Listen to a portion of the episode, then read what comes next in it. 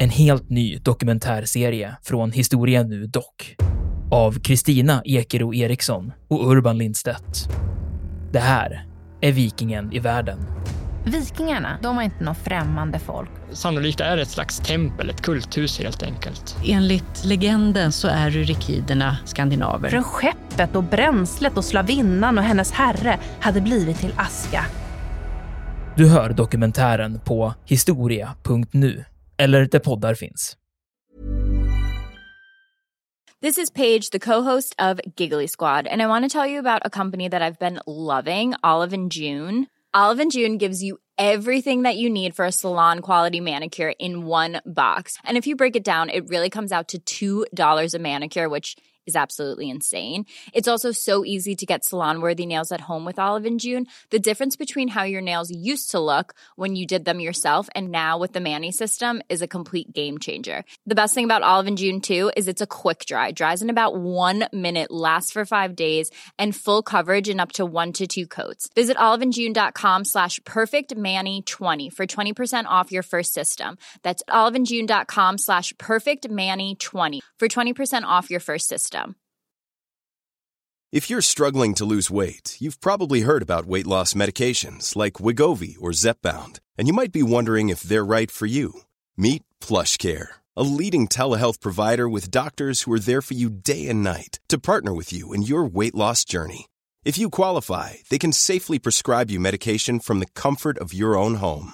To get started, visit plushcare.com slash weight loss. That's plushcare.com slash weight loss. plushcare.com slash weight loss. Quality sleep is essential. That's why the Sleep Number Smart Bed is designed for your ever evolving sleep needs. Need a bed that's firmer or softer on either side? Helps you sleep at a comfortable temperature? Sleep Number Smart Beds let you individualize your comfort so you sleep better together. JD Power ranks Sleep Number number 1 in customer satisfaction with mattresses purchased in-store. And now save 40% on the Sleep Number limited edition Smart Bed for a limited time. For JD Power 2023 award information, visit jdpower.com/awards. Only at Sleep Number stores or sleepnumber.com. Det man är tvungen att göra och som är så att säga ett tema genom 15 och 16 och 1700-talets krig, det är att man måste leva av de, de lokala resurserna på något sätt. Det kan man göra på flera olika sätt. Man kan naturligtvis ge sig ut och plundra som man provade, vi var inledningsvis inne på det. Mycket ineffektivt. Man räknar ungefär mellan tummen och pekfingret att då får man bara ut 10% egentligen av vad det här området kan ge. Eh, man kan, kan som man under 30-åriga kriget börja lära sig när man inser att den här plundringsidén eh, inte fungerar. Då börjar man införa något som heter kontributioner, det vill säga att man, man på något sätt skaffar en kutym. Man kommer till en stad eller ett område och då säger man så här till lokalförvaltningen. Eh, vi förväntar oss att ni ställer den här mängden förnödenheter till vårt förfogande. Brandskattning till exempel. Vi vill ha det här, vi bränner inte er stad. Och då börjar man organisera det här på något sätt, att det finns någon sorts av kutym kring hur man får göra. Och det man också gör, om vi tittar på till exempel Ludvig XIVs armé under 1600-talet när han försöker ta, eh, ta eh, eh, eh, det område som vi idag kallar för Belgien. Då lägger man upp förråd i förväg. Man magasinerar i förväg. Och här kommer vi nu in på någonting som är väldigt central i den här krigföringen under under eh, framförallt 15 till 1700-talet. Den är ju att man ofta bygger stora fästningar där man har förråd och där man har garnisoner. Och krigföringen, förutom det här som jag nämnde att man då försöker manövrera ut eh, motståndaren, så handlar det mycket om att belägra, ta de här fästningarna.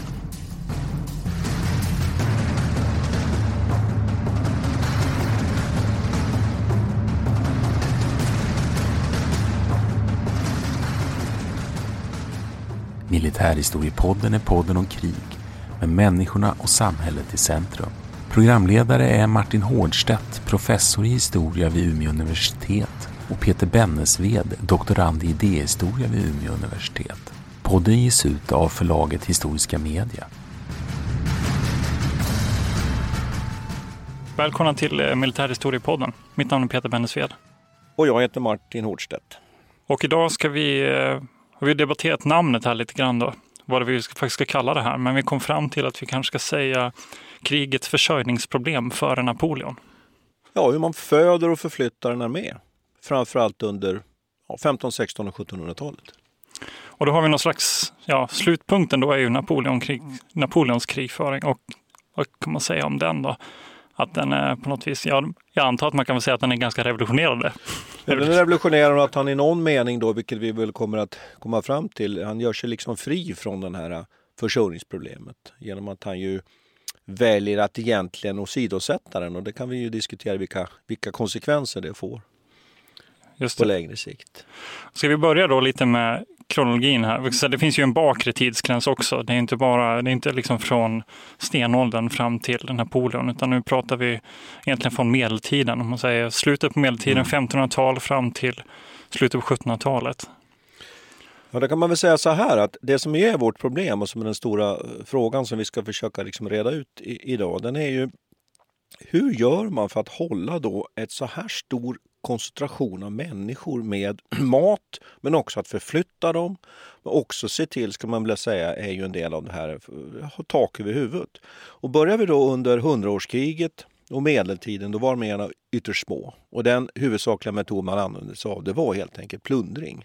Krigföring gick helt enkelt ut på att man faktiskt plundrade. Och en variant på, på krigföring att få tag på resurser det var att man gärna ville ki- kidnappa betydelsefulla personer som man sen kunde utkräva stora lösensummor för. Så krigföringen var ju på så sätt oerhört egentligen primitiv. Och tittar man på hundraårskriget så är det ju den eh, verklighet vi ser. Va? Men hundraårskriget, är, ska vi säga, nu är vi Från mitten av ett- 1300-talet till Ja, mitten precis. av Nu är, 1400-talet. nu är vi ganska långt bak i tiden. Då. Det är det. Och vad är det liksom för typ av eh, krig som man för då? Eh, Hundraårskriget är ju ett, ett slags, eh, eh, vad ska man säga, tronföljnings... Krig kan man säga, Ja. det, det, är egentligen, det handlar ju om inflytandet i Frankrike där man då slåss, där olika, eh, två kungar, egentligen två ku- kungaätter eh, möter varandra i krig. Det är den franska och den, den engelska och sen slåss man helt och vi behöver inte gå in på, gå in på det. Men det man, det man kan säga är att eh, det är ju eh, riddarhären som dominerar, dominerar vid den här tiden och som ju börjar få konkurrens av framför allt då eh, engelska långbågar. Man börjar hitta metoder att kunna hantera de här tunga kavallerichockerna. Och nästa steg i den där krigsutvecklingen den är ju att man börjar på slagfältet infö- införa då det, det eh, systematiskt formerade infanteriet, pikinerarna. Framförallt schweiziska pikinerare faktiskt som blir betydelsefulla. Då kan man liksom bryta de här kavallerichockerna. På vilket sätt då? Då är det alltså deras långa vapen Deras helt långa kan vapen sticka kan, ner. ja, liksom. sticker ner de här kavallerichockerna helt enkelt plötsligt. Så att, så att det här tunga kavalleriet som ju också hade en socialpolitisk betydelse, nämligen att man rekryterade ju de här riddarna då bland högt uppsatta stormän som genom att göra tjänst för en kung fick också skattelättnader. Va? Så att det hör ju ihop med samhällsutvecklingen här. Fortsätter man sen då den här, den här nu, nu svepet över historien och, och, och krigföringsutveckling så införs ju så småningom musköten. Kommer vi fram på 1600-talet då är det mycket den här samverkan mellan eldgivningen och rörelsen. Eh, de här oerhört stora, fasta, otympliga i spansk, efter spansk modell då formerade kejserliga trupperna får svårt då mot en, en, en protestantisk här under Gustav II Adolf som, som rör sig, är rörlig, använder eld och rörelser. Det, det brukar ju vara det klassiska exemplet. Linjartaktiken börjar utvecklas. Det vill säga att man ska man formerar trupperna på en linje för att se till att man får den här eldgivningen.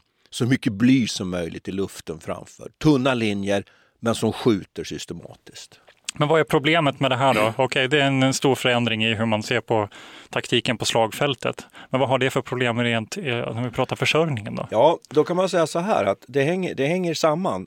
Dels är det på det här sättet att de här arméerna som man nu börjar eh, eh rekrytera, framförallt under 1600-talet och in över 1700-talet, för att de ska då kunna utföra de här ganska komplicerade rörelserna på slagfältet, kunna formera sig på de här linjerna, kunna eh, bedriva den här eldgivningen som är helt avgörande så är det ganska dyrt. Det är ganska dyrt att hålla de här trupperna igång, både utbildningsmässigt att rekrytera. Man lägger ner väldigt mycket resurser på det. Det betyder att man, man vill inte offra de här trupperna i, på slagfältet allt för lättvindigt. För det kostar helt enkelt för mycket. Och det är kopplat till en stor process i Europa när vi får starka furstestater ute i Europa, nämligen att vi kan se om vi studerar alltså de resurser som man lägger på kriget från slutet av 1500-talet, över 1600-talet och in på 1700-talet ökar ju. Rakt upp. Om man skulle rita en kurva så skulle den peka rakt upp. Man börjar alltså lägga ner mycket större resurser på de här arméerna, att rekrytera dem här, att utbilda dem. Arméerna blir större över tid också. Och, och historikerna brukar faktiskt ibland prata om att det där är en revolution. Military revolution säger man på engelska. Så. Varför? Eller liksom, vad är syftet med det? Då? Ja, då säger man så här, vad är det som börjar den här processen? Är det så att man eh, eh helt enkelt vill skapa stor... Är det arméerna själva som driver det här? Är det krigföringen i sig som driver det här? Är det så att man vill bedriva krigföring, man vill bedriva en utrikespolitik i en viss riktning, då behöver man en armé Därför så organiserar man staten och byråkratin så man får in resurser så man kan skapa de här arméerna. Det är ett sätt att se på det. Just det, men då vill jag ställa den här frågan. Då. Ja. Min första fråga här om, om hundraårskriget. Ja. Eh, liksom vilken typ av krig det är. Det är ju en skillnad här i också vad, vad som är liksom motivet bakom. 30-åriga kriget är ju ett religionskrig i någon mening, eller hur? Ja. Där man liksom i princip försöker förinta fienden men jag tänker de här mellan eh, de här små kabinettskrigen eller vad vi ska ja. kalla dem. Det finns, ju, det finns ju en slags dynamik här där man egentligen inte är intresserad av att fullkomligt förgöra fienden utan man bara så att säga, ja. driver politik genom vapenmakt. Under hela den här perioden kan man ju säga att krigen egentligen i någon mening är begränsade så tillvida att de, de pågår länge. Eh, man vill inte offra de här dyrt rekryterade svår, svårligen utbildade soldaterna på slagfältet allt för lättvindigt. Det betyder att man har en krigföring där man manövrerar, man rör sig, man, man försöker manövrera ut fienden så att fienden till slut hamnar i en position där man uppfattar att när, om jag nu anfaller och levererar batalj, som man ju kallar det för, då kommer jag ha då oddsen på min sida att, att vinna det här slaget. Så det är det ena. Så att, så att den här formerandet av de här staterna och de här krigsmålen, de hänger ju liksom ihop med också att byråkratin utvecklas i de här första staterna i Europa. Och då kan man, ju, man skulle kunna vända på det där och säga så här att nej, men det kanske är så att det är Först så skapar man starka förstastater och när förstastaterna har organiserat sig och får in en massa resurser, skatter och sådana saker, då får man plötsligt resurser som man kan bedriva en utrikespolitik. Och då använder man sig av krig. För det kan ju vara viktigt att säga här, du som var inne, nu var du inne på orsakerna till krig, att krigen är ju det, det mest verksamma utrikespolitiska instrumentet vid den här tiden, så har ju en central betydelse när man bedriver utrikespolitik. Men för att återgå till din fråga där om orsakerna då. Dels så kanske det finns en egen dynamik i det här. De här staterna börjar få resurser de kan skapa de här arméerna och de kan bedriva en utrikespolitik och då använder man sig av krigen för att vinna territorier, göra upp dynastiska dispyter. Men du var ju inne på det där med religions... Mm. Får jag säga en sak till bara innan ja. vi går vidare på den? Jag tycker att det finns en intressant koppling. Jag, vill, eh, jag tycker att man kan slå hål eh, på synen på krig, hur vi ser på det idag. Menar, om, du, om vi, alltså den 1900-talssynen på krig är ju är mer eller mindre total krigföring där man, liksom, ja, där man liksom fullkomligt slår sönder en nation och, och inkorporerar den eller vad man nu vill göra med den. Så att säga. Mm. Och det är ganska det är ju inte den typen av krig som vi pratar om nu egentligen, det här, utan mer liksom en diplomatiskt verktyg eh, som är Ja, som man använder. du, var inne, du var inne på mm. begreppet kabinettskrig och det brukar man väl oftast egentligen prata mest om under 1700-talet. Men det, det, behöver vi liksom inte syssla med något hårklyveri här kring det. Men att just att det sitter en liten elit i samhället, en monark och hans omgivande kabinett mm. som använder kriget för att uppnå då utrikespolitiska mål hota med kriget, sätta in kriget i vissa fall och så vidare. Men hela tiden på ett väldigt avvägt sätt så utnyttjar man den här krigföringen. Sen var du inne på, på religionen. Jag, jag går tillbaka till det. Att du, du pratar om religion, religionen som drivkraft. Det finns olika drivkrafter också naturligtvis under den här perioden. Eh, I grund och botten så handlar det om ett, om ett maktutövande. Det handlar om att lägga sig under viktiga ter territorier för handel och sådana saker. Men det handlar ju också om att göra upp dynastiska dispyter som jag nämner. Några av de stora krigen i Europa de startar ju därför att till exempel spanska tronföljdskriget. Man, är livrädd, man blir livrädd i Europa för att det plötsligt ska sättas då en, en potentat på den spanska tronen som man själv inte har kontroll över. Och därför utbryter det ett, ett, ett, ett krig helt enkelt om den här spanska tronföljdsfrågan mellan två läger ute i Europa som har olika uppfattningar om vem som ska sättas på tronen på den spanska tronen. Men det kan också handla om, som stora nordiska kriget i början av 1700-talet, och de här två krigen pågår ju samtidigt, nämligen att den här svenska stormakten plötsligt får konkurrens av ett Ryssland som har växt starkt under eh, Petersburg. Då skulle man snarare kunna säga att då, då handlar det mer om geopolitik. Ryssland vill flytta fram sina positioner till, till Östersjön och så vidare. Va? Just det, det är ju inte något religionskrig som pågår mellan Sverige och Ryssland direkt. Det finns inte... Nej, det är det nej. inte. Men återigen då, mm. ska man, får man heller inte säga att religionsfrågan inte har betydelse under 30-åriga kriget. Det är, fullt, det är klart att den har det. Sen kan vi när vi betraktar tillbaks i tiden så kan vi ju lätt tycka att ja, men det där använder de bara för någon sorts propaganda eller slå dunster i folk. Men det tror jag är ett, ett mycket felaktigt sätt att förstå det förflutna. Religionen var av mycket stor betydelse. Ja, visst, det är ju själva, det är ju en grunden i, i staten i sig också. Alltså, det är ju inte bara en religionsfråga. Nej. Det är ju en väldigt anakronistiskt sätt att se på ett religionskrig idag. Egentligen eftersom de, det mm. de slår, slåss om är ju också statsmakten samtidigt eftersom kronan, kyrkan och allting ja. det här sitter samman. Liksom. Och det är klart att, det är klart att Gustav Adolf och den, de nordtyska staterna, protestantiska staterna försvarade ju också en religion som de uppfattade var riktiga. Men också naturligtvis som du säger var kopplad till sina rättigheter, kopplade till vad staten står för och så vidare. Det var ju den lutheranska staten man också försvarade. Medan den katolska förhållnings, det katolska förhållningssätt och, rela, och relation till staten, den är något än någon annan. Eh, men vi ska inte fördjupa oss i det. Va? Men det, det, vi kan, det vi kan konstatera då när vi säger så här, utrikespolitik. Vi vill anfalla och vinna det här området. Då måste vi använda en armé. Mm. Hur underhåller och försörjer vi den armén? Och det är det här som är vår kärnfråga här. Om vi nu flyttar in den här armén i ett område för att ta det området. Då måste man kunna underhålla den här armén. Och då ska vi komma ihåg att det här är ju det, det förindustriella samhället. Och då går det inte att med järnväg, med luftbro eller någonting hålla den här armén vid liv.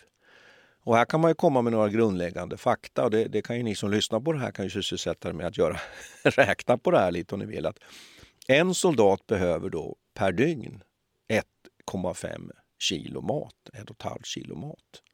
Och varför nämner jag vikten? Ja, det är ju därför att det måste transporteras. En häst behöver ungefär 15 kilo foder och hö per dygn. Och då kan man börja räkna på det här och så kan man ställa det då i relation till dåtidens transportmedel. Och då är vi inne på vagnar, hästar och vagnar. Nere på kontinenten på de allra bästa, bästa vägarna kanske man kunde förflytta ett ton. Och det här ställer ju till det för oss Annars hur vi ser 300, på... 400 kilo, jag ska bara säga det. Ja, men det, här, det här ställer ju till det för oss när vi pratar om logistik då. För det här är en typ av krig där man inte så att säga försörjer från basen nödvändigtvis. Nej, nej. För precis som du säger är det ju helt omöjligt att dra med sig de mängder mat som man behöver. Kanske framförallt till hästarna. Framförallt till hästarna därför att där är det så att börjar man räkna på det här så, så ska man förflytta då den här fodermängden och som samtidigt ska hästarna äta, det blir fullständigt omöjligt. Därför är det så stora volymer dessutom. Så att man kan bara konstatera helt enkelt att det man är tvungen att göra och som är så att säga ett tema genom 15, och 16 och 1700-talets krig, det är att man måste leva av de, de lokala resurserna på något sätt. Det kan man göra på flera olika sätt. Man kan naturligtvis ge sig ut och plundra som man provade, vi var inledningsvis inne på det. Mycket ineffektivt. Man räknar ungefär mellan tummen och pekfingret att då får man bara ut 10 egentligen av vad det här området kan ge. Eh, man kan, kan som man under 30-åriga kriget börja lära sig när man inser att den här plundringsidén inte fungerar. Då börjar man införa något som heter kontributioner, det vill säga att man, man på något sätt skaffar en kutym. Man kommer till en stad eller till ett område och då säger man så här till lokalförvaltningen. Eh, vi förväntar oss att ni ställer den här mängden förnödenheter till vårt förfogande. Brandskattning till exempel. Vi vill ha det här, vi bränner inte er stad. Och då börjar man organisera det här på något sätt, att det finns någon sorts av kutym kring hur man får göra. Och skrev väl avtal i princip? Ja, man skrev avtal. Eh, tar vi Marlboro till exempel. Vem är Marlborough? Ja, den brittiska fältherren som är så framgångsrik under just spanska tronföljdskriget, som är mycket operativt skicklig. Han är också skicklig på slagfält, men vet vad han är framförallt är skicklig på? Det är ju att han har kapital. Han kan, han kan betala för sig. Han, han skickar helt enkelt eh, underhållsofficerare i förväg till städerna, till exempel i, i, i södra delarna av Tyskland, i, i Bayern och så vidare. Och så säger han, säger han så här, eh, vi kommer om, om fyra dygn. Sätt upp en marknad så kommer vi att betala för oss. Det är också ett ytterligare ett sätt att... Och det man också gör, om vi tittar på till exempel Ludvig XIVs armé under 1600-talet när han försöker ta, Eh, ta eh, eh, eh det område som vi idag kallar för Belgien. Då lägger man upp förråd i förväg. Man magasinerar i förväg. Och här kommer vi nu in på någonting som är väldigt centralt i den här krigföringen under, under eh, framförallt 15 till 1700-talet. Den är ju att man ofta bygger stora fästningar där man har förråd och där man har garnisoner. Och krigföringen, förutom det här som jag nämnde, att man då försöker manövrera ut eh, motståndaren, så handlar det mycket om att belägra, ta de här fästningarna. If you're struggling to lose weight, you've probably heard about weight loss medications like Wigovi or Zepbound, and you might be wondering if they're right for you. Meet PlushCare a leading telehealth provider with doctors who are there for you day and night to partner with you in your weight loss journey. If you qualify, they can safely prescribe you medication from the comfort of your own home. To get started, visit plushcare.com slash weight loss. That's plushcare.com slash weight loss. plushcare.com slash weight loss. Quality sleep is essential. That's why the Sleep Number smart bed is designed for your ever-evolving sleep needs. Need a bed that's firmer or softer on either side? Helps you sleep at a comfortable temperature? Sleep Number smart beds let you individualize your comfort so you sleep better together. JD Power ranks Sleep Number number 1 in customer satisfaction with mattresses purchased in-store. And now save 40% on the Sleep Number limited edition smart bed for a limited time. For JD Power 2023 award information, visit jdpower.com/awards. Only at Sleep Number stores or sleepnumber.com.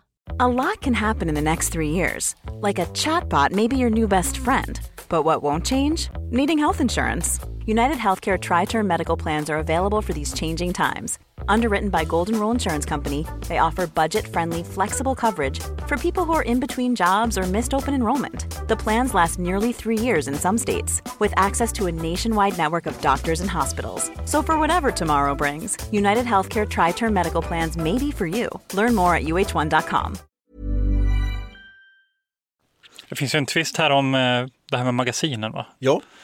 Så vad de egentligen har för historisk funktion, eller vad det, hur historikerna har sett på det. Ja. Och då är det ju frågan här då om de var till för själva marschen. Just det.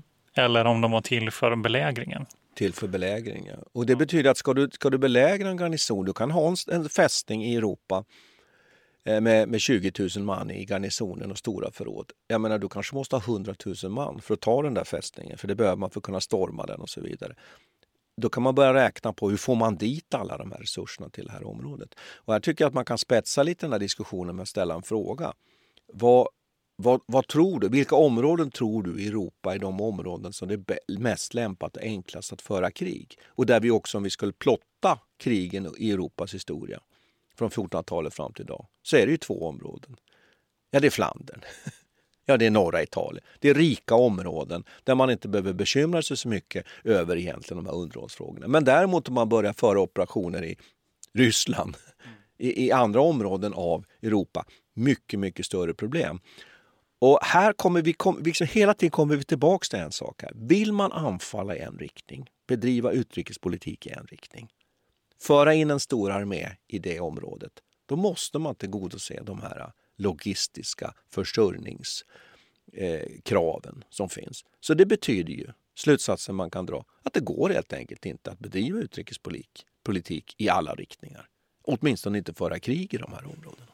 Ja, det är en jättespännande tanke. Det är det, därför att man måste flytta arméer. Och tittar man på 30-åriga kriget så handlar ju 30-åriga kriget, om man nu skulle vilja förenkla det lite, att man manövrerar, mot motståndaren som hela tiden håller sig undan. Man vill inte offra de här dyrt värvade soldaterna i ett slag som man inte tror att man kan vinna. Och sen handlar det om att röra sig hela tiden till områden där man kan hitta nya resurser. Då vill, då vill jag då blänka det till Napoleonkrigen här. Jag tänker att det gick ganska utmärkt för Napoleon att röra sig i, i centrala Europa, men i Spanien fick han problem. Ja, och jag skulle vilja säga att norra Italien, det här är ju så att säga, man brukar säga vinner sina sporrar under det så kallade italienska eh, fälttåget eh, på 1700, slutet av 1790-talet. Eh, där är det ju lätt att underhålla en armé. I det rika, på den rika mm. påslätten med alla de här stadsstaterna. Men det är ju lite andra villkor i Ryssland 1812. Så där har vi egentligen i, i ett nötskal hela problematiken. Ja, superspännande. Så, och det, då, då faller man ju hela tiden tillbaka på det här med jordens resurser egentligen. Hela tiden. Ja, intressant ja. alltså. Att det, det, är egentligen där det grundar sig. Skulle, och hela de liksom, europeiska konflikterna så som de har varit är ja. koncentrerade till samma områden egentligen. Skulle man vilja nörda ner sig på det här ännu mer, då kan man nämligen ge sig på att börja titta på hur jordbruket fungerar i olika områden. Och eh, räkna på helt enkelt hur stor avkastning har man på jordbruket. Det finns ett sånt begrepp som kallas för korntal. Det vill säga att om du sätter ett korn i marken, hur många får du? Och då kan man titta på korntalen. Tittar man till exempel då på Flandern, där har vi så höga korntal som 20. Alltså du sätter ett sädeskorn i marken, du får 20. Men tittar du på norra Sverige, ja där lägger korntalen kanske på 4-5. Och då förstår man ju liksom rent helt enkelt matematiskt att underhålla en armé i ett område där man har väldigt låga, dåliga avkastningar, det fungerar inte. Är jävligt intressant. Så egentligen är ju krigföring på så sätt väldigt enkel, kan man säga. Mm. Så det betyder ju här att en, en fältherre kan vara skicklig taktiskt på slagfältet, vara duktig på, att, på, på sina olika delar av armén att samverka så att säga i, när striden börjar dra ihop sig. Men framförallt måste ju en fältherre under den här perioden vara en, en skicklig logistiker. Man måste kunna helt enkelt organisera underhållet. Och det, tycker jag, eh, det här sätter fingret på en fråga också som man eh, kanske gärna man förundras över hur långt de lyckas ta sig. Alltså när de här stora eh, ansamlingarna, stora arméerna liksom rör sig framåt. Och tänker man otroligt, de lyckades gå från dit och dit på så kort tid. Men i, själva verket så är det ju tvärtom egentligen. Att de lyckas, om, det som är otroligt är om de lyckas överle överleva en belägring. Precis. Att, Medan att, så länge de är i rörelse så går det alldeles utmärkt. Det är ju bara att titta på Gustav II Adolf när han rör sig eh, och springer runt i Europa. Men det är, ju, det är ju helt naturligt egentligen och det är ju inget märkligt att en armé är duktig på att marschera och röra sig framåt för det är då man får in resurserna. Då får man in resurser. Och ja. tittar man på Gustav II Adolfs rörelser i Tyskland, ja då går ofta längs med vattenvägarna. Därför man använder floder. Därför att det är mycket effektivare att transportera mat och förnödenheter på. på. Eh, jag kan ta ett exempel på, från finska kriget 1808 som jag har tittat lite närmare på i min forskning.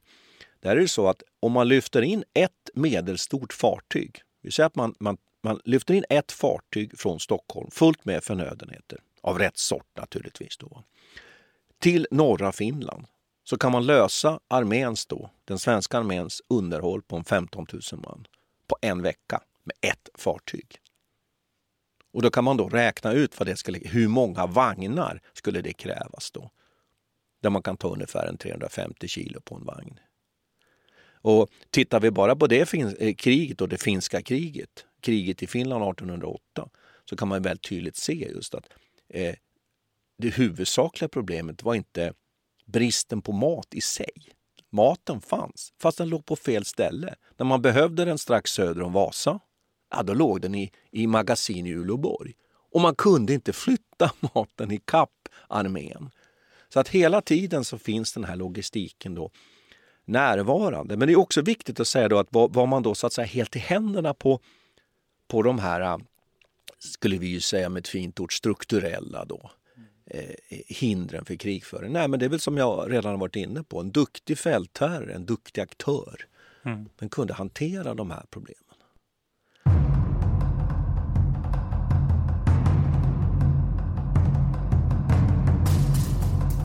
Eh, en armé på, på marsch, då, hur ska vi föreställa oss den?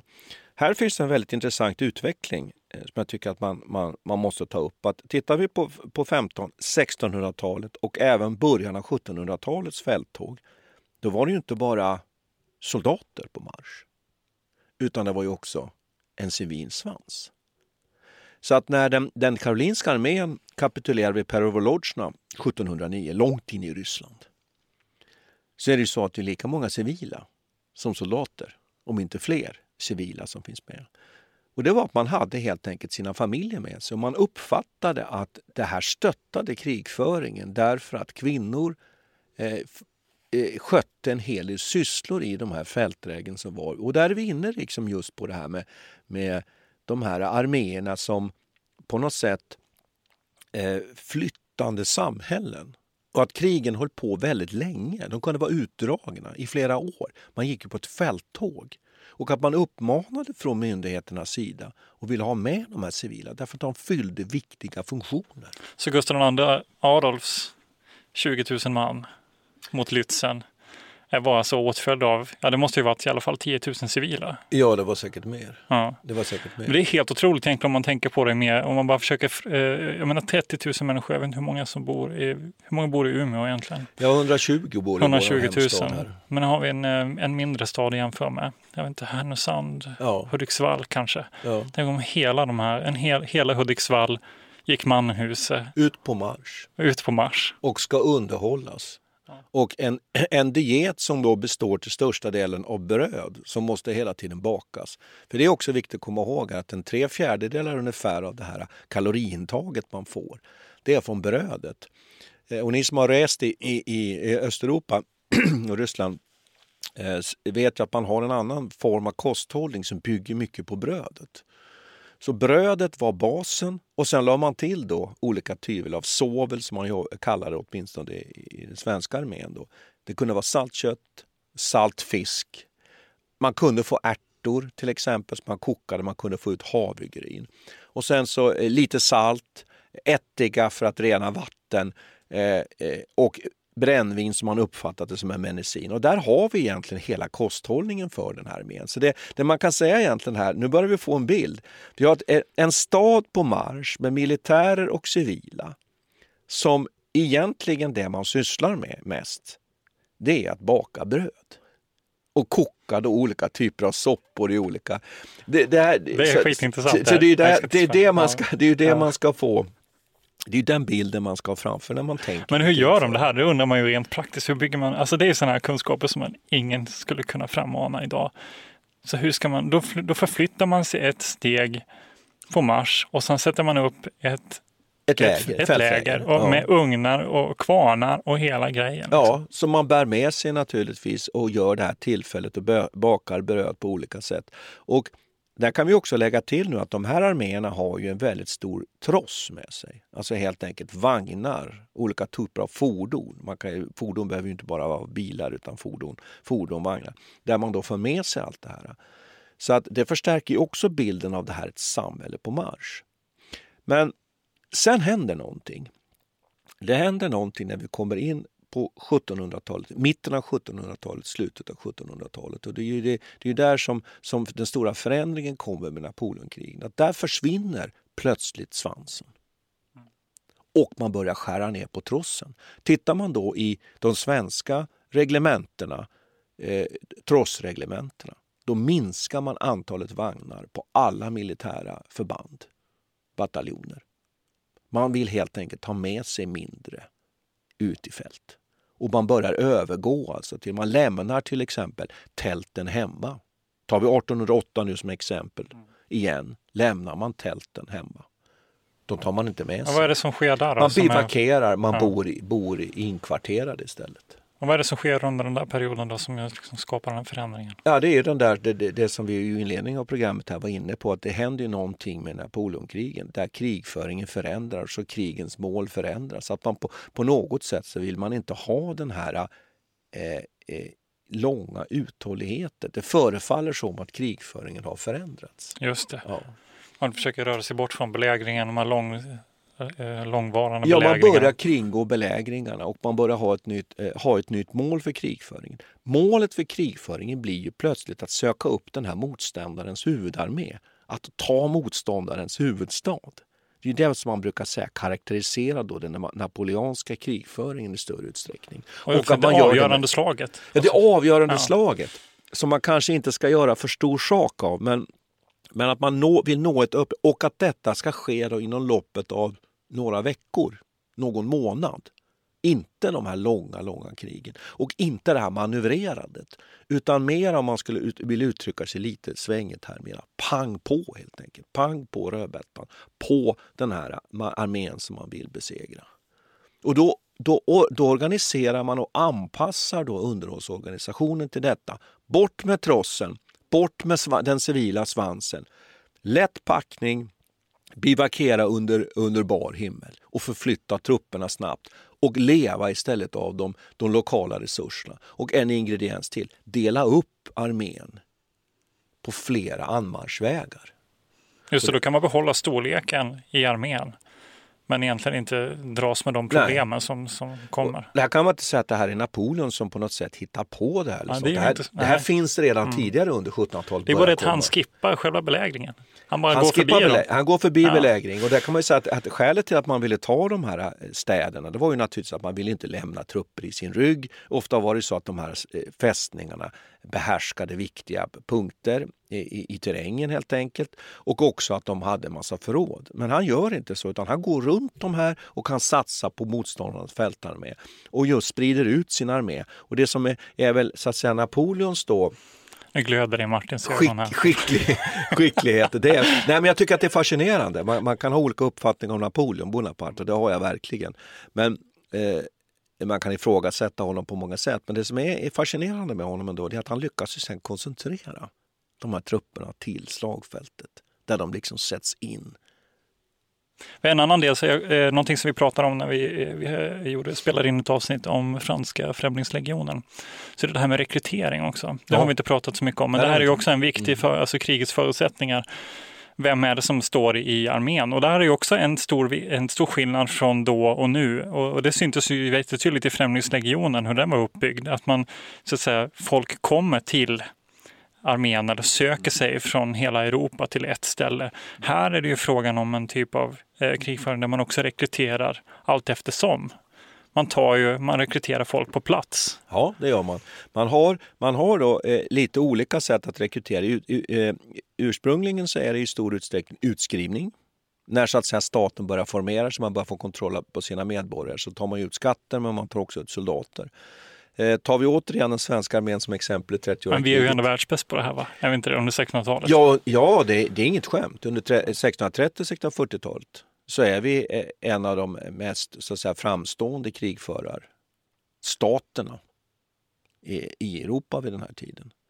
Eh, och det är ju väldigt intressant. Och det har ju att göra med byråkrati men också har att göra med individer som tänker rätt. Men också att vi kanske kommer in i en krigssituation där vi måste hitta en lösning på att försöka hantera de här tungt utrustade formationerna som vi möter på slagfältet. Hur ska vi göra? Eld och rörelse. Men att utan att fördjupa sig i det så kan man säga så här. Visst, vi har soldater som vi hämtar från, från det svenska rikets kärnområden, framförallt Sverige och Finland.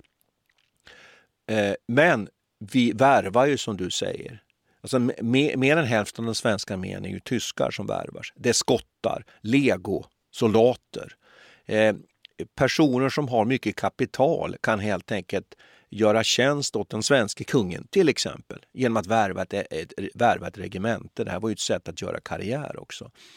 Eh, man kan ju också säga att den svenska arméns krigföring den, den stöttas ju också av någon sorts så här krig på entreprenör, krigsentreprenörer som skaffar fram förnödenheter eh, och som spekulerar i den här krigföringen, hur länge den kommer på. Det finns ju ett sånt begrepp, gulaschbaroner, som helt enkelt profiterar på kriget. Så kriget är ju en, en, en verksamhet som många är intresserad av. Men åter till det här med mans, manskapet. Det som ju kommer in mot slutet, eh, eh mot slutet av 1600-talet och 1700-talet är att man börjar i Europa att organisera allt mera systematiska system för utskrivning av soldater. Man skapar mer stående arméer. Och där är faktiskt Sverige återigen ett, ett, ett, ett, e, ett, ett, ett unikum i många, där vi har det mest väl genomarbetade systematiskt förvaltade systemet med vårt knäktehåll och indelningsverk. Va?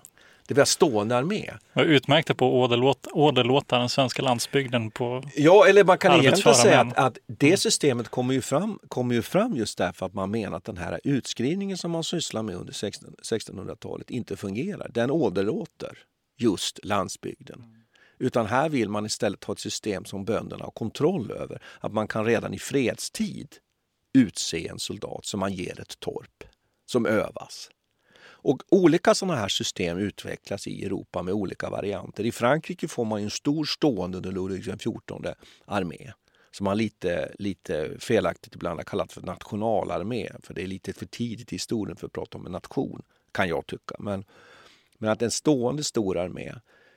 Och sen sista slutsteget, när vi kommer fram till Napoleonkrigen och revolutionskriget, det är ju att man börjar ta ut hela åldersklasser, alltså att ha en allmän värnplikt eller levion mass som man först kallade ju 1793, som sen omvandlas i en värnplikt då 1798. Och då är vi inne i massarméernas eh, tidevarv.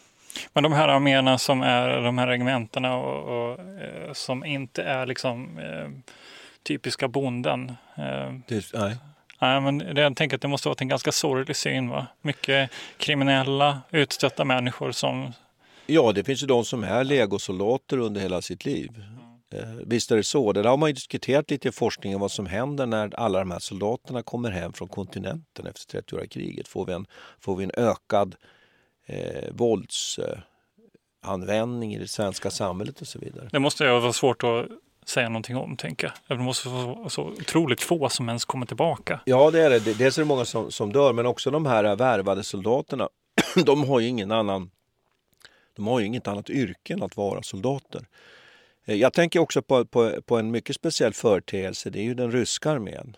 Där man ju rekryterar sin armé i stor utsträckning från de här livegna befolkningslagren. Och där man ju ofta, i en familj så lät man ju en son gå till den här äh, eh, armérekryteringen. Och där man ju då gör tjänst i, på livstid så småningom, på 25 år. Men det kan man ju skratta ja, det åt lite. Det är liksom samma, samma, sak. sak. Ja. Eh, och där sen blev man då fri efter de där 25 åren. Och, så att de här systemen finns i Europa, de ser lite olika ut. Men det är intressant. Eh, en sak som, som vi inte har berört och som jag tycker kanske man ska beröra här också, nämna, det, det känns fel att inte ha gjort det. Det är ju klart så här att de här logistikproblemen att få fram resurs, eh, många av de här arméerna svälter ju under olika situationer. Det finns ju många fältherrar som eh, helt enkelt eh, förstör sina arméer genom att man inte får fram resurser till dem. Och det som också är en viktig aspekt här som jag tycker man måste lyfta fram, det är sjukvårds, sjuk, sjukdomsspridningen. Att när, man, när man då Eh, inkvarterar de här soldaterna väldigt tätt så sprids ju ofta sjukdomar. Och sjukdomarna har också ofta att göra med maten, för det är via maten som då till exempel dysenteri många gånger sprids. Dålig hygien kring maten som gör att man får de här sjukdomarna. Så jag tycker att sjukdomarna ska ha sin plats här också. Det är de som egentligen tar de flesta soldaternas liv under 15, 16, 1700-talet. Det är ju inte striderna på slagfältet. Och det har att göra, tycker jag, med den här eh, logistiken och underhållsproblematiken. Kanske vi kan återkomma till något annat avsnitt. Det, det tror jag att sjukdomar är ett tema ja, som det är, är intressant. Det. det finns så många aspekter. Man vet inte riktigt eh, vad man men ska... Eller vad ska man säga? Det finns så många olika sätt att se på det här med, med försörjningsproblem. Liksom, vad är det som krävs? Vi har inte pratat någonting om havet här heller. Nej, men det tycker jag får bli ett, ett eget, ja, precis, eget, även det eget avsnitt. Men jag, tyck, jag tycker lite att den här frågan om, om de här äh, folkrättsliga... Ja, jag tycker precis. Ska jag tänkte vi... säga det. Alltså det. Där kan man ju också, nu har vi pratat om äh, lite mer konkreta eh, saker här. Vad är mat och rekrytering, hur de rör sig, eh, logistiken i, i stort. Men det finns ju någonting annat här, någonting som också pågår. Och det kan jag tycka är lite synd om man kollar på historieämnet och idéhistoriaämnet. Att när man ska försöka beskriva de här två, de här perioden, eller nu pratar jag om 1500-talet fram till Napoleonkrigen fram till början av 1800-talet. Det är som täta skott mellan de här olika fälten egentligen. Mm. Det finns ju någonting som sker under 16 och 1700 andra halvan av 1500-talet, 1600-talet och 1700-talet när man börjar prata om en slags eh, folkrätt, det är kanske fel att säga folkrättsliga saker, men vi börjar prata om naturrätt. Natur, absolut naturrätt. Och, och, och kanske framförallt eh, att knyta så här, härskarens makt till sekulära fenomen och inte nödvändigtvis bara knyta det till eh, gudomlig rätt. Eh, så det här är ju en glidning som sker. Då. Nu kan man ju fundera på varför det sker. Eh, varför är det så att man, man säga, först ut kan man väl säga Machiavelli. 1532. Cynikern, ja. Ja, men han är ju liksom den, den eh, pragmatiska Helgar, skurken medlen, här egentligen. Ja. Men där är ju, det finns ju mm. inte så, det finns ju inte en koppling nödvändigtvis till en slags eh, högre eh, gudomligt ideal här, utan här handlar det bara hur, hur är man praktiskt sett en bra härskare? Mm. Eh, Eller men- effektiv härskare. Ja, precis. Effektiv. Det beror på vad man lägger in för moral i det där. Då. Men sen så fortsätter den här trenden också. Eh, Näst eh, ut kan man säga Thomas Hobbes Leviatan. Mm, mm. Här är kanske eh, mer intressant idé att man försöker konceptualisera den här relationen mellan den här fursten Ja. och folket. Och han skulle då säga att folket lever bara som en slags vildar, barbarer som bara springer runt. Men så kommer Mm. då Leviatan och då ingår de ett, kon- ett kontrakt här då, mellan Styr, en- de som ja, styr och de som den är som, styrda. Precis. Ja. Och att, eh, så att säga, alla tjänar på det. Mm. Och, eh, nu, eh, Thomas Hobbes var väl också eh, vad ska man säga, religi- religiöst kopplad. Men, men även de, här, de som kommer senare då, eh, Hugo Grotius eh, Mm. och även Samuel von Putendorf, Mm.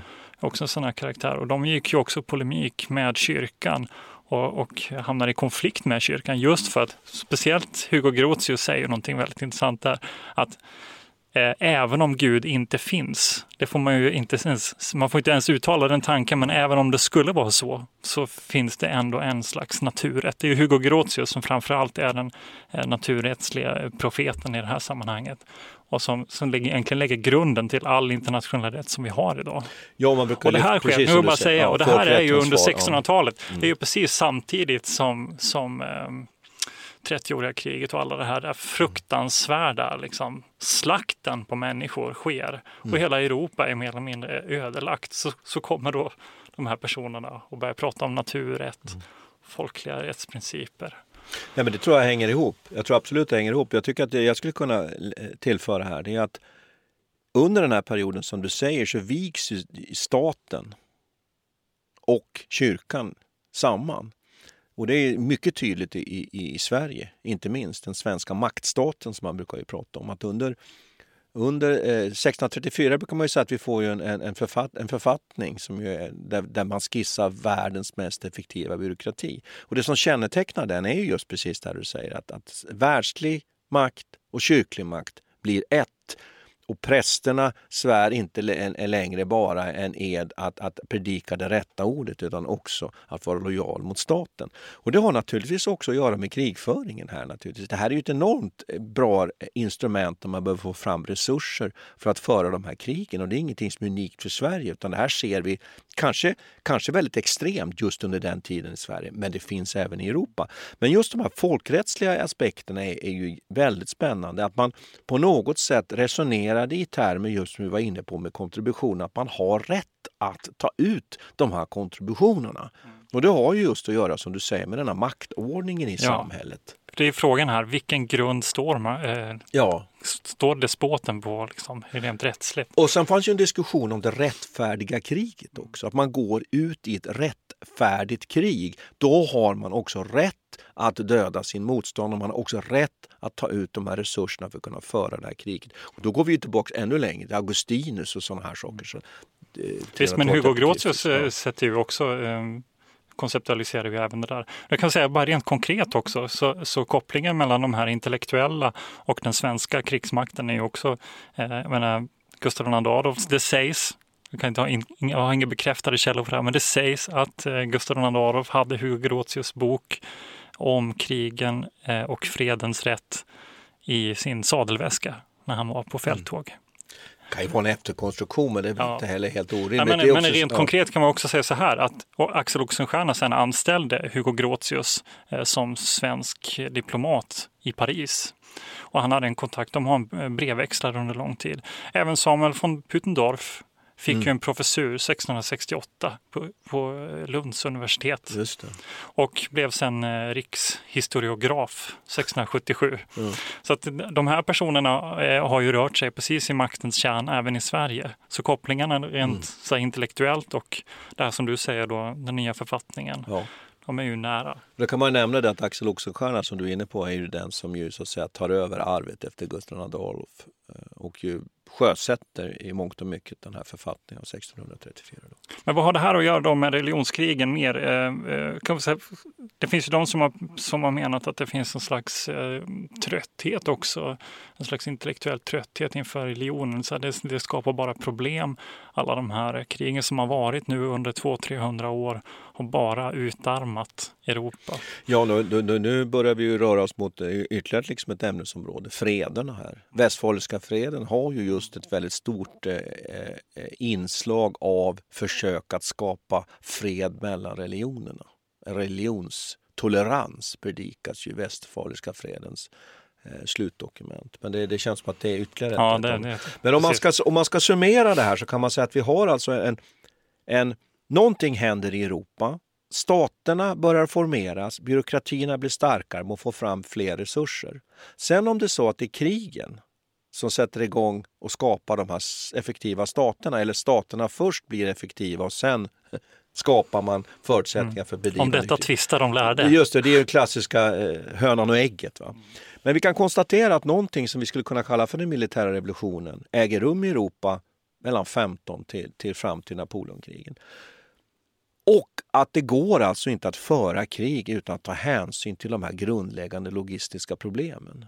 Eh, och att krigföringens villkor på något sätt dikteras av det här förhållandet. Vi har varit inne på att belägringskrigföring är viktigt, manövrerande. Eh, och att man inte heller vågar de här arméerna i, i slag därför att de är så dyra att rekrytera. Och sen händer någonting med Napoleonkrigen där man på något sätt kastar sig av det här oket. Man börjar att genomföra operationerna på ett, sätt, på ett annat sätt. Eh, man får också komma ihåg att det är större arméer. Det, det är massarméer som sätts i fält under revolutions Napoleonkrigen. Och det är också på det sättet att plötsligt så blir kriget i någon mening mera ideologiskt. Det blir andra mål. Och det som skulle vara intressant här är att följa upp det här, den här podden med en, en, en diskussion om vad händer sen när vi till det här lägger det industriella kriget. Mm. Det är då vi får första världskrigets masslakter och eh, andra världskrigets mass, massförstörelsevapnets inträden. På, totala på krigföringen. Den totala mm. kriget. Men vi får väl återkomma om det. Så, så ta, tack ska vi ha kanske. Ja, precis. Jag tycker det också. Tack ska vi ha för det här. Det var ju superintressant. Så ses vi. Ja. Och vi tackar Martin Hårdstedt, professor i historia vid Umeå universitet och Peter Bennesved, doktorand i idéhistoria vid Umeå universitet. Producent är Urban Lindstedt och podden ges ut av förlaget Historiska Media. Om två veckor är Militärhistoriepodden tillbaka med ett avsnitt om Sveaborgs fall.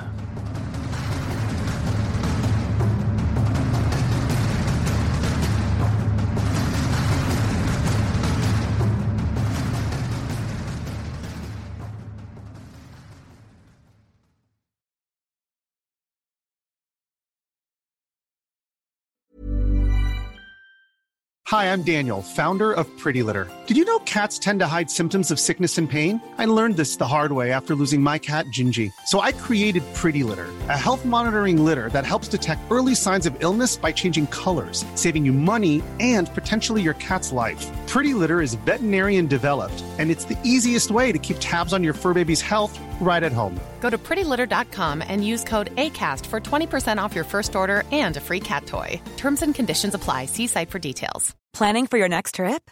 Elevate your travel style with Quince. Quince has all the jet setting essentials you'll want for your next getaway, like European linen, premium luggage options, buttery soft Italian leather bags, and so much more. And is all priced at 50 to 80% less than similar brands. Plus, Quince only works with factories that use safe and ethical manufacturing practices. Pack your bags with high-quality essentials you'll be wearing for vacations to come with Quince. Go to quince.com slash pack for free shipping and 365-day returns. Normally, being a little extra can be a bit much. But when it comes to healthcare, it pays to be extra and United Healthcare makes it easy with Health Protector Guard fixed indemnity insurance plans. Underwritten by Golden Rule Insurance Company, they supplement your primary plan, helping you manage out of pocket costs without the usual requirements and restrictions like deductibles and enrollment periods. So when it comes to covering your medical bills, you can feel good about being a little extra. Visit uh1.com to find the Health Protector Guard plan for you. Iran har under 1900-talet genomgått tre omvälvande revolutioner som orienterat landet antingen mot västerlandets modell eller mot en auktoritär styrelseform. Idag pågår en social revolution i landet som vänder sig mot det islamistiska styret och vars anhängare har Europa och väst som förebilder. I en viktig bok ger idéhistorikern Mohammad Faslashemi en djupare förståelse för dagens dramatiska händelseutveckling. Iran mellan tre revolutioner är utgiven av förlaget Historiska Media. Beställ den fysiska boken på förlagets hemsida historiskamedia.se eller köp den i en bokhandel nära dig.